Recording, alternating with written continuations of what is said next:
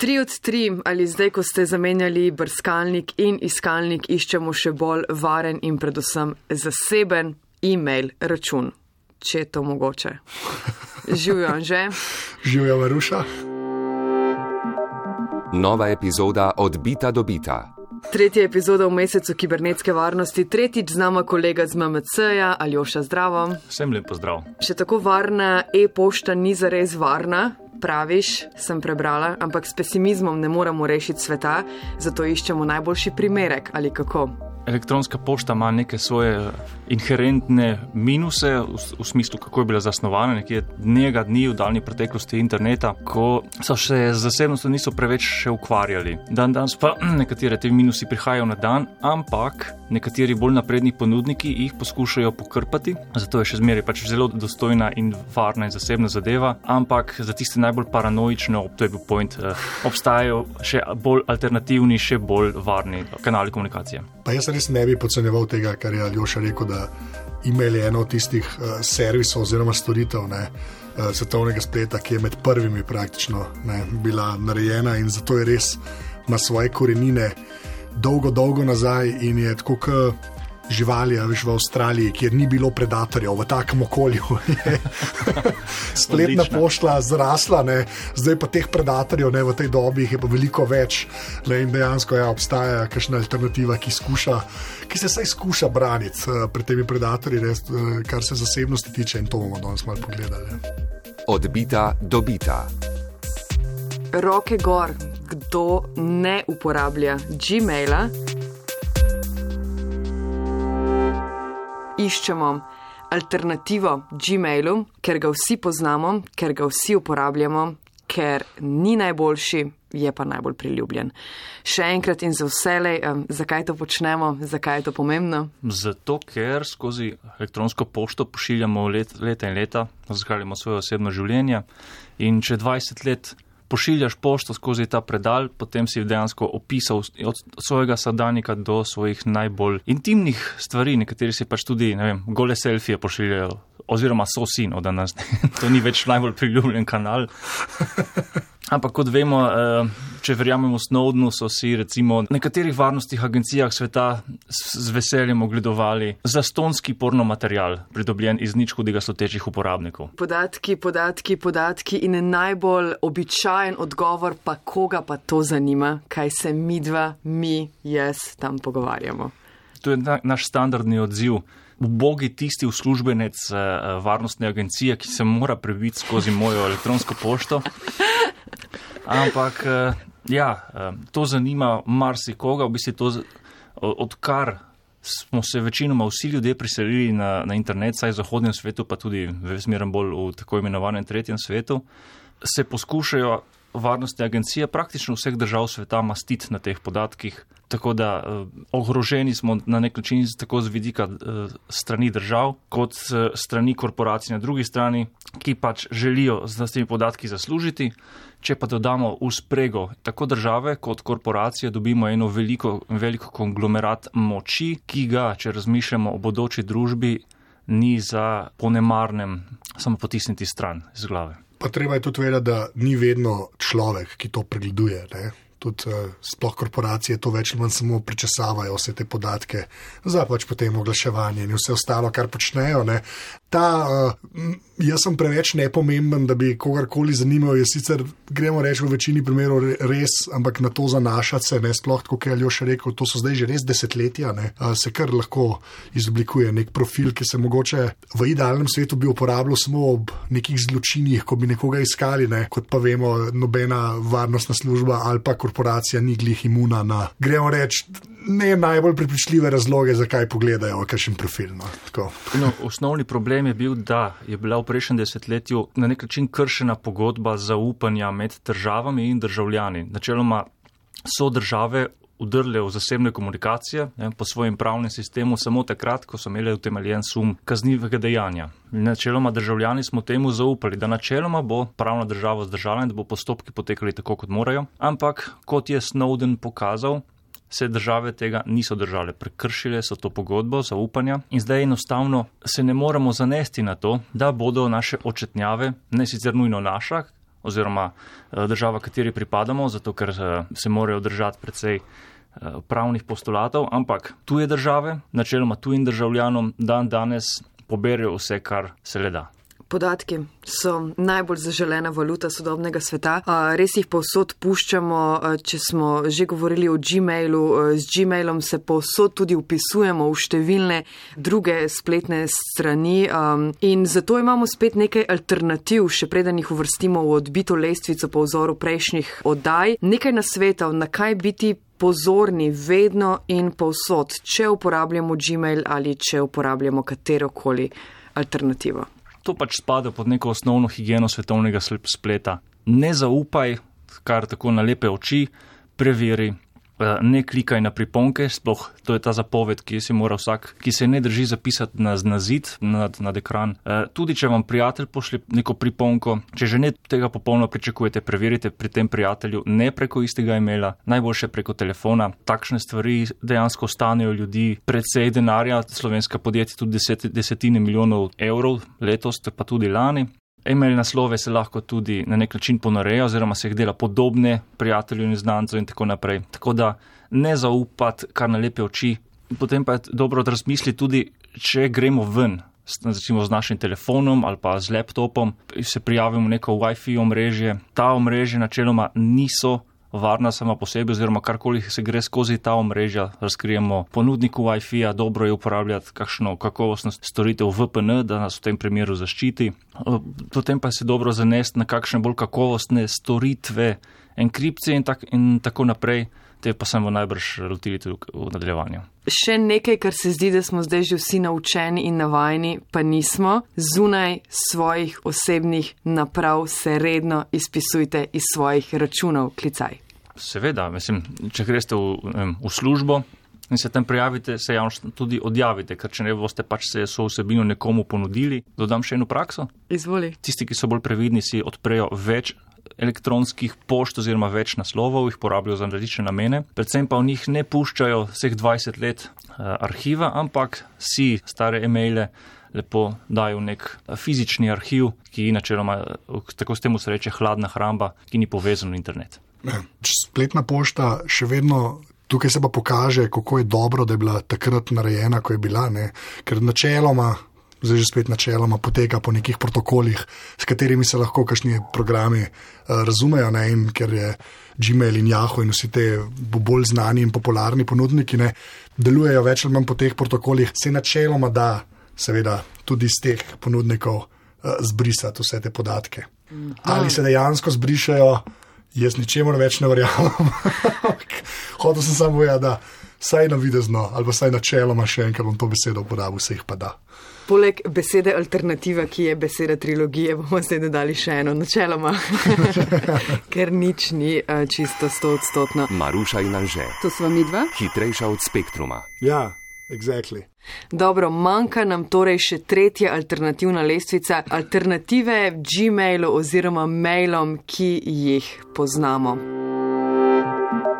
Prvi bo Proton Mail, in ker je švicarski, je sigurno dober.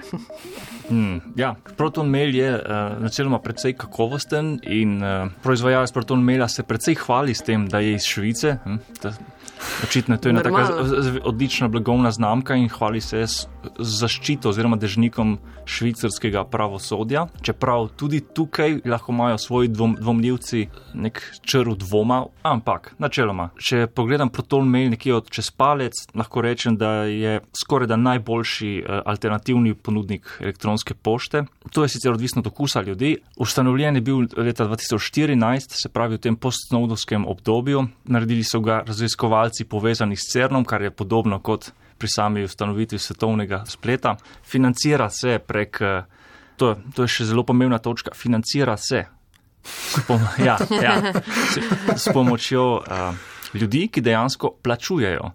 To je skoraj bogokletnost v našem svetovnem spletu, da moraš dejansko zakaj odšteti denar, ampak to je zelo pomembno, ker če mu ti ne daješ denarja, kdo mu pa ga daje? načeloma je, je podjetje lojalno tistemu, ki prenaša denar. Ne. Tako da je zelo smiselno, tudi če ima kdo uh, neko averzijo oziroma dobi ošpice, ko bi pomislil, da mora kaj za kakšno spletno storitev, storitev plačati. Jaz toplo priporočam, da se vsaj pri elektronski pošti odšteje tisti nekaj evrov na mesec. No, takšen je proton mail. Za približno 5 evrov dobiš na mesec dobiš nekje 5 gigabajtov prostora, kar ni veliko, ampak kaj je bistvena prednost proton maila? Enkripcija. Vse tisto, kar smo prej omenjali, oziroma skoraj vse tisto, kar smo prej omenjali, da je ranljivost elektronske pošte, pravi nekoč je bila skoraj kot neka dopisnica, kjer lahko poštar prebral vse od tega, kam je namenjena do vsebine, je dan danes proton mail takšen, da se lahko prebere samo še naslovnik in uh, naslov e-maila. Bistveno je, da je kriptiran tudi z vidika proizvajalca samega, se pravi, proton mail ne more prebrati, kaj ste vi poslali. Gmail lahko prebere vso vsebino vašega predalnika, Proton Mail pa nima dostopa, zato ker gre tukaj za kombinacijo enkripcije, tako imenovane uh, zero access, se pravi nične dostopnosti, in uh, end-to-end, se pravi enkripcija od konca do konca. Ampak načeloma ali zagotovo nima v pogleda? Načeloma, zato ker kot pri vseh teh zadevah moraš pač njim zaupati, uh -huh. da tega ne počnejo. Mogoče tudi zato, ker rešitev ni odprtokodna, njihova koda, ki so spisali, je uh, njihova lastna in do nje neki krti, ki bi ga želeli pre preveriti integriteto te kode, ne morejo priti. Tako da spet moja pri tem zaupanju. Ampak načeloma je vsa ta vsebina pod ključem, ne more prebrati ne proton mail, ne nišče vmes, ki bi lahko poskušal šlofljati po kablih. To je bistvo proton maila. Je pa res, da če iz proton maila pošlješ nekomu pismo na Gmail, nisi naredil praktično nič. Za več ali manj Gmail. To pismo lahko prebere. Ja, lahko pa dodam to, da po lastnih izkušnjah vedno manj je prejemnikov na Gmailu. Uh, dejansko, tudi če pač uporabiš proton mail, tako kot si rekel, ne, da pač če pošlješ na Gmail, pač nisi dosegel nič. Uh, vedno manj je Gmail prejemnikov, po mojih izkušnjah. E, po mo moje je sicer popolnoma obratno. Jaz zaznavam, da že tisti, ki so nekaj časa ustrajali, recimo na Yahooju, ne, ali pa dejansko poznam ljudi še na Hotmailu, zdaj Outlooku, uh, so šli zdaj na Gmail. No, plus proton mail ima eno lušno uporabnost in sicer lahko pošlješ pošto pod ključem in uh, prejemnik pozna ta ključ in potem se mu ta pošta odpre izven njegovega mail predalnika, tako da dejansko lahko pošlješ mail, ki je na neki zelo visoki stopni um, zasebnosti in ga, ga ne bo niti njegov predalnik prebral. Ah, pa koga zanima vsebina mojega maila? ne, se se hecam, alternative so pomembne, zato nadaljujemo z lestvico. Ko lep now obstaja že veliko časa, ampak podobno kot Proton eh, in ostali so se na kolebu začeli s pošto ukvarjati po snodnovih odkritjih. Takrat je bila ta pogodba, mislim, na nek način javno prekršena in ko se je to zaupanje posulo, potem se je, so se začeli kot gove po dežju pojavljati vsi ti tako imenovani alternativni ponudniki, ki zagotavljajo, da so zasebni zagotavljajo. Ne, spet. Uh -huh. spet moramo imeti isto neko osnovno mero skepse, kaj vse ponujajo. Predvsem treba preveriti, ali so zasebnosti in varnosti posvečeni le načelno, se pravi, vam zagotavljajo, da mi smo pa pridni, vi, mi pa pač ne bomo vam šnofljali, ali pa to zagotavljajo z nekimi tehničnimi rešitvami. Kolab Now je lep primer načelne varnosti oziroma načelne zasebnosti, kar je hkrati lep primer, kako se z naprednimi varnostnimi rešitvami pogosto zmanjšuje uporabnost. Pesti prejšnji proton mail je v osnovi pač pošta. Pošiljaš pošto, sicer je precej bolj napredno zakrita, ampak to je to. Kolab Now pa je precej širši paket, kjer dobimo tudi neke vrste Google dokumente v oblaku, kjer dobimo orodja za sodelovanje ekip različnih, kar je dobro vem, za kakšne manjše skupine, manjše podjetja. Predvsej bolj uporabna zadeva, tudi za odstotek cenejša od protona, ampak predvsej manj zasebna in varna, ker vam to le zagotavljajo, nima pa recimo enkripcije od uporabnika do uporabnika. Pa tukaj gre, kot je Aljoša rekel, res za neko rešitev. Za Dropbox, Google Drive, koledar, pošta, paketne, ki potem stavi na to, da a, mi smo pa bolj zasebno naravnani. Ne. Ampak, če ni enkripcije od enega konca do drugega, je to ne res na zelo, zelo načelni ravni, kako naj človek to reče. Ja, mislim, imajo tudi nekaj, eh, nekaj teh naprednih rešitev, ampak ta zadeva, ne, ta manjko te enkripcije bode v oči. Hkrati je tudi res, da več kot je teh funkcionalnosti, večja je kot reče površina za napad in bolj so odranljivi. Zato recimo tudi pri Proton mailu nimaš tega koledarja, nimaš teh stranskih zapiskov, ki jih imaš lepo pri Googlu, ne, pri, na Gmailu. Ni vsega tega, ampak je zato proton mail bolj varen. Tukaj gre vedno za iskanje tega ravnovesja med uporabnostjo in varnostjo. In kolab je pač precej bolj na uporabni strani. Zdaj imamo proton mail, pa kolab, nov naslednji bo counter mail. Ponašajo se kar štirimi medsebojno neodvisnimi sloji šifriranja, to pomeni kaj? Da je samo za ljudi, ki se jim res da ukvarjati s svojo spletno Ja, pošto. Okay. Ja, to je pač za tiste, ki so res paranoični, ki res bo videli uh, bele miše z ostrimi uh, očmi na vsakem koraku. Ampak, no, uh, hec na stran, s tem se uh, ukvarja en šved, ki je ustvaril uh, elektronsko pošto s štirimi različnimi uh, sloji zaščite, recimo uh, zadeva se ne poganja na nekem računalniku, ampak se po- poganja z neka USB ključka, pa prek CD-ja, ki se potem povezan še z nekim trdim diskom, ki ima nek dodaten sloj zaščite in tako naprej. Če bi kdo hotel vse to ukrast, ne, bi, se, bi se mu bolj splačalo iti fizično tja, pa mu izmakniti skupaj. No, kakorkoli lastnik ponuja 10 tisoč dolarjev vsakemu, ki bi mu dokazal, da so njegove varnostne rešitve pri pošti manj napredne kot pri komu drugemu. Če kdo res to potrebuje, potem se bo tudi odštel precej denarja, zato ker recimo za 500 MB prostora odšteješ nekje 4 evre do 5 evrov na mesec in vsaki dodatni gigabajt dokupiš z enkratnim plačilom 70 evrov. Ja, saj poslovni model je. Oh. No, eh, zadeva je sicer eh, pač iz let v leto 1999 nekako, ne? ampak če si kdo želi to vrstne elektronske pošte, izvolite. Še 4 in 5, številka 4 bo start mail. Podjetje, ki ga poznamo iz prejšnje epizode. Ne? To so ustvarili znani Start Page, ki je obvod, anonimni odvod Google. In eh, potem, ko so zavohali, da je v tem poslovnostnem obdobju pri- poslovna priložnost um, tudi na, mislim, na vseh področjih, kjer se da varovati zasebnost, so se lotili še pošte. Ampak uh, v nasprotju z njihovim iskalnikom, tukaj izkušnja spet ni ravno napredna. Ne? Občutek, ko rokuješ z njim, je podoben nekje z Microsoftovim Outlookom, spet iz leta 2003, tam nekje. Stvari, ki jih imamo za samoumevne, recimo oznake elektronske pošte, tega pač ni. Uh, zatikajo se zadeve, in tako naprej. Ampak uh, obetajo zato, ker je k njim prišel uh, sam stvaritelj protokola PGP, Pretty Good Privacy, ki skrbi za večino teh end-to-end enkripcijskih zadev, to je Phil Zimmerman. Prihod takega imena obeta, da znajo v roku kakšnega leta ali dveh sploviti zelo, zelo napredno rešitev, tako da priporočam v držanje v četrtinki očesa. To je to. Samo v odbita dobita lahko ime Phil Zimmerman pomeni nekaj tako kot, eh, ne vem, Taylor Swift, ki drugje več ali manj. Ker je, on je, re, on je pa ga pa človek. To je odmeven prestop, se temu reče, no, ali pa prihod v neko podjetje. To je res eden od teh ljudi, ki so internet naredili veliko, veliko bolj zaseben. No. Lava bit je številka 5. Ja, Lava Bit je zelo znano ime, mislim, spet v teh krogih. Znan je predvsem po tem, da ga je nekoč njega dni uporabljal sam Street Snowden.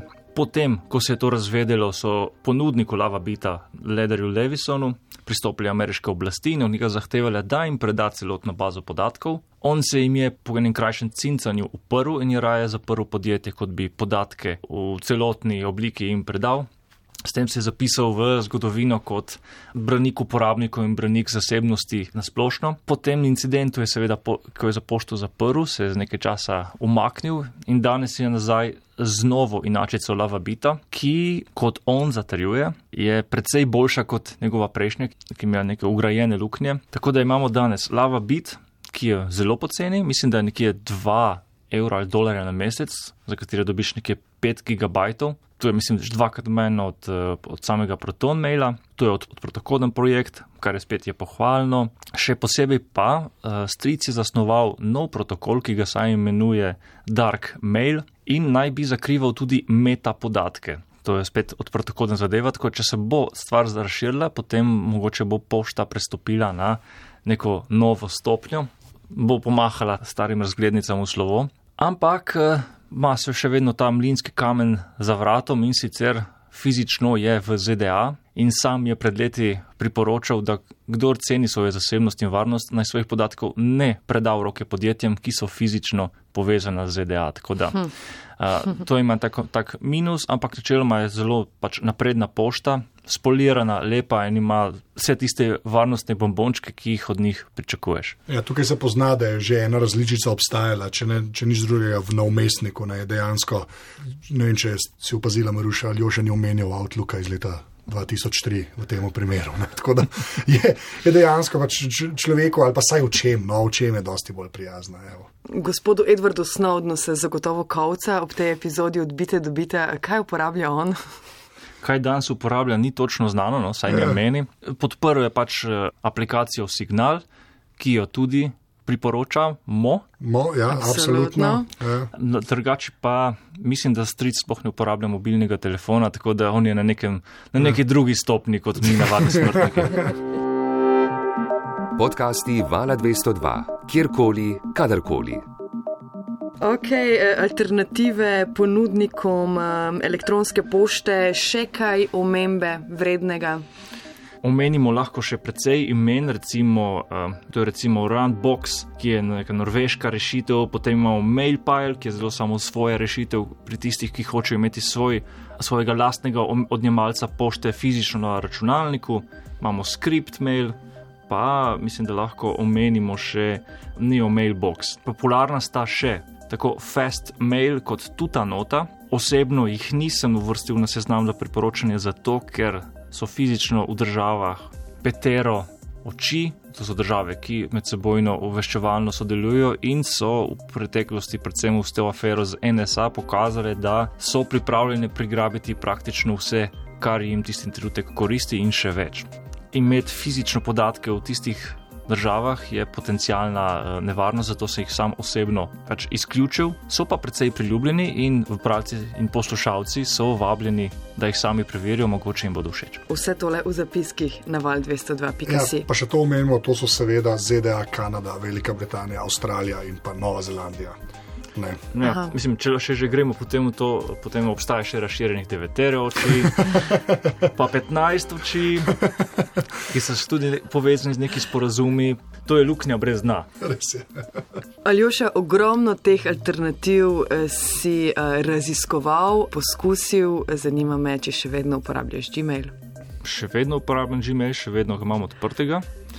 Google račun je koristen pri zelo široki paleti storitev, ne na zadnje smo lahko na ta način tudi eh, pripravljali to oddajo. Tako je. Tako je. Um, Googlovi dokumenti. Mislim, uh, YouTube.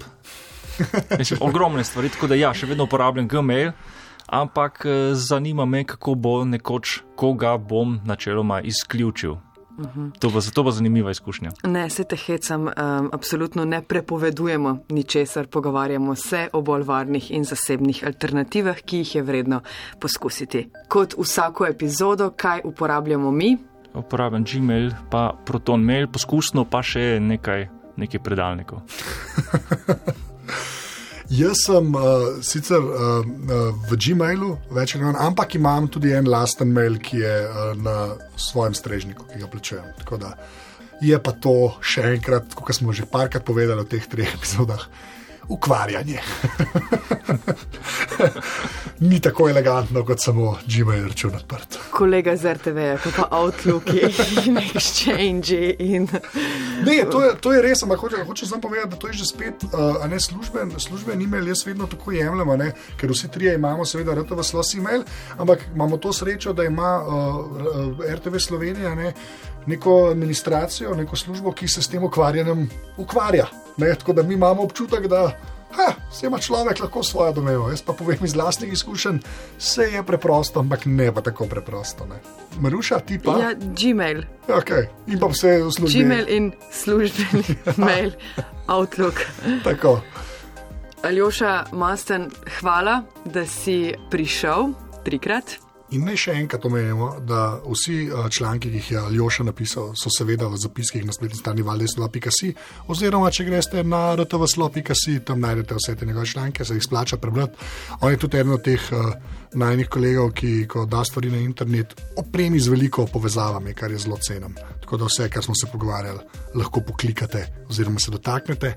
Sicer pa vse epizode tega podcasta so na valjdesto2.si pošiljnica odbita, tam se lahko na ta podcast tudi naročite. Tam je tudi video, ki vam to pokaže. Sicer pa, Aljoša, kje si ti na Twitterju, ko si na Twitterju in kaj si na Twitterju? Masten MMC. Odlično. Jaz sem Anzeta, ko sem sam, Maruša, ko si sama si. Jaz sem Twitteruša Maruša, Ko so pa skupaj, sva pa. sva pa afna odbita. Tako da nam lahko vsem trem pišete na Twitterju ali pa na mail, ker smo se danes pogovarjali o mailih. Ja. Dobro piši, Aljoša, dobro delaj, če še najdeš kaj varnega, zasebnega, primernega za odbito, pa prosim, pridi čez cesto, prav? Uh, vedno hvala za povabilo. Hvala tebi, adijo, se slišimo. Čau! Svidenje.